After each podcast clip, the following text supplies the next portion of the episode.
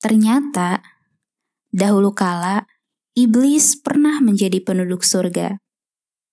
Suatu ketika Allah memerintahkan iblis untuk sujud pada Nabi Adam yang baru saja diciptakan. Tapi dengan sombongnya, iblis malah merasa berkedudukan lebih tinggi. Tak seharusnya ia yang lebih mulia sujud pada Adam. Begitulah pemikiran iblis. Ia pun menentang perintah Allah, dan di saat itulah Allah murka hingga melaknatnya. Teman-teman, ternyata kisah ini mengandung pelajaran yang sangat berharga untuk kita loh. Yuk kita simak kisahnya.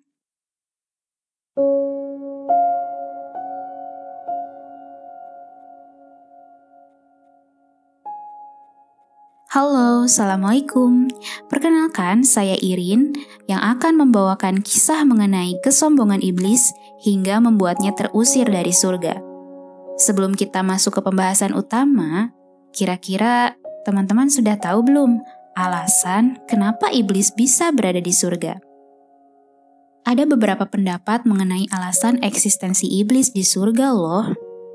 Sebagian ulama ada yang berpendapat Dahulu, malaikatlah yang membawa iblis ke surga. Kisahnya masih berkaitan dengan pembahasan di episode sebelumnya. Pada episode 21 yang berjudul Tujuan Allah Menciptakan Manusia, kami telah menceritakan bahwa dahulu, sebelum manusia diciptakan, telah ada makhluk lain yang menghuni bumi, yaitu bangsa jin. Iblis ini juga termasuk bangsa jin yang mendiami bumi di kala itu. Namun, suatu ketika bangsa jin melakukan pertumpahan darah dan membuat kerusakan di bumi. Hingga Allah mengirimkan pasukan malaikat untuk membunuh mereka dan menggiring mereka ke wilayah pesisir pantai. Iblis termasuk yang ditawan ketika itu. Kemudian para malaikat membawanya ke langit. Saat itulah iblis berada di langit. Sementara itu, menurut Ibnu Abbas, dahulu iblis adalah pemimpin para malaikat di langit. Nama iblis itu adalah Azazil. Bisa dikatakan ketika itu iblis merupakan orang yang paling mulia di antara penduduk surga. Iblis pula lah di antara mereka yang paling banyak menguasai ilmu dan paling banyak ibadahnya. Keren banget kan iblis di waktu dulu? Tapi karena suatu hal, Allah murka pada iblis hingga mengusir mereka dari surga untuk selama-lamanya. Ceritanya begini. Dahulu, ketika jasad Nabi Adam telah ditiupkan ruh, Allah meminta malaikat dan jin yang menghuni surga untuk sujud pada Nabi Adam. Cerita mengenai pembuatan jasad Nabi Adam bisa kamu simak di episode 22 ya. Nah, ketika Nabi Adam telah hidup, semua penghuni surga mentaati perintah Allah dan melakukan sujud, kecuali iblis. Iblis dengan terang-terangan menolak perintah Allah. Mendapati sikap iblis itu, Allah lantas bertanya, "Wahai iblis, apa sebabnya kamu tidak ikut sujud bersama-sama mereka?" Iblis kemudian menjawab, Aku sekali-kali tidak akan sujud kepada manusia yang ciptakan dari tanah liat kering yang berasal dari lumpur hitam yang diberi bentuk. Mendapati penolakan iblis yang terang-terangan dengan alasan seperti itu, Allah tentu saja tidak suka. Keluarlah dari surga, karena sesungguhnya kamu makhluk terkutuk, dan sesungguhnya kutukan itu tetap menimpa dirimu sampai hari kiamat ujar Allah pada iblis. Percakapan iblis dan Allah itu tercatat dalam Quran surat Al-Hijr ayat 32 sampai 35. Dalam ayat tersebut, kita bisa melihat bahwa iblis telah membanding-bandingkan diri. Iblis menjadi makhluk pertama yang membanding-bandingkan diri loh. Ia merasa dirinya yang diciptakan dari api lebih mulia dari Nabi Adam yang diciptakan dari tanah iblis menunjukkan kesombongannya, dan Allah membenci hamba yang sombong.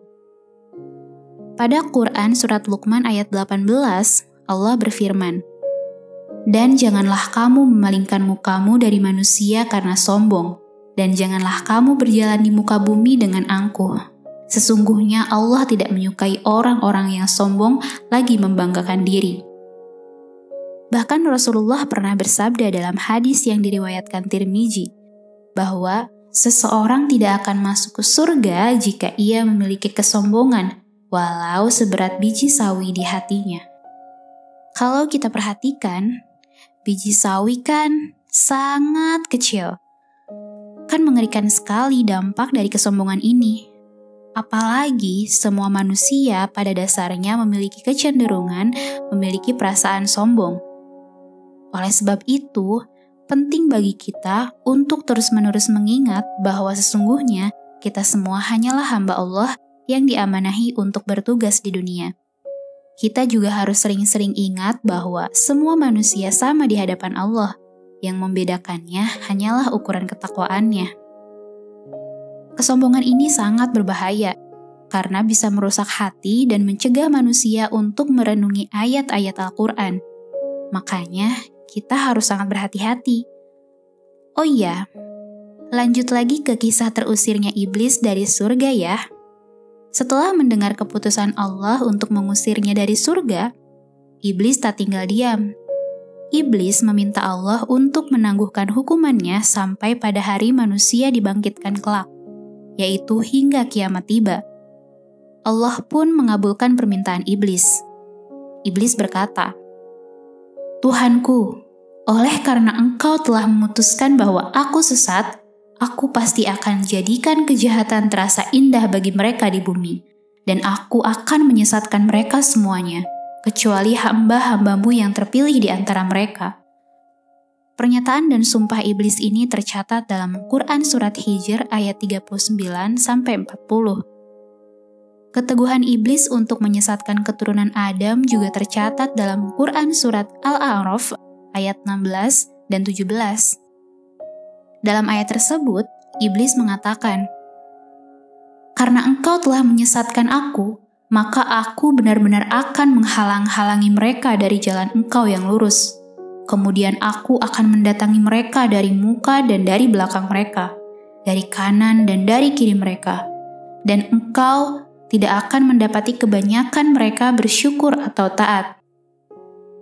Walaupun janji iblis itu telah diucapkan beribu-ribu tahun yang lalu, namun kekonsistenannya untuk menyesatkan manusia tak luntur sedikit pun.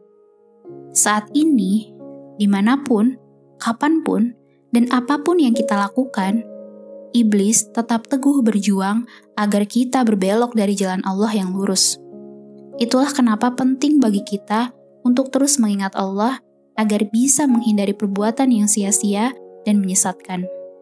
Salah satunya dengan melaksanakan sholat lima waktu.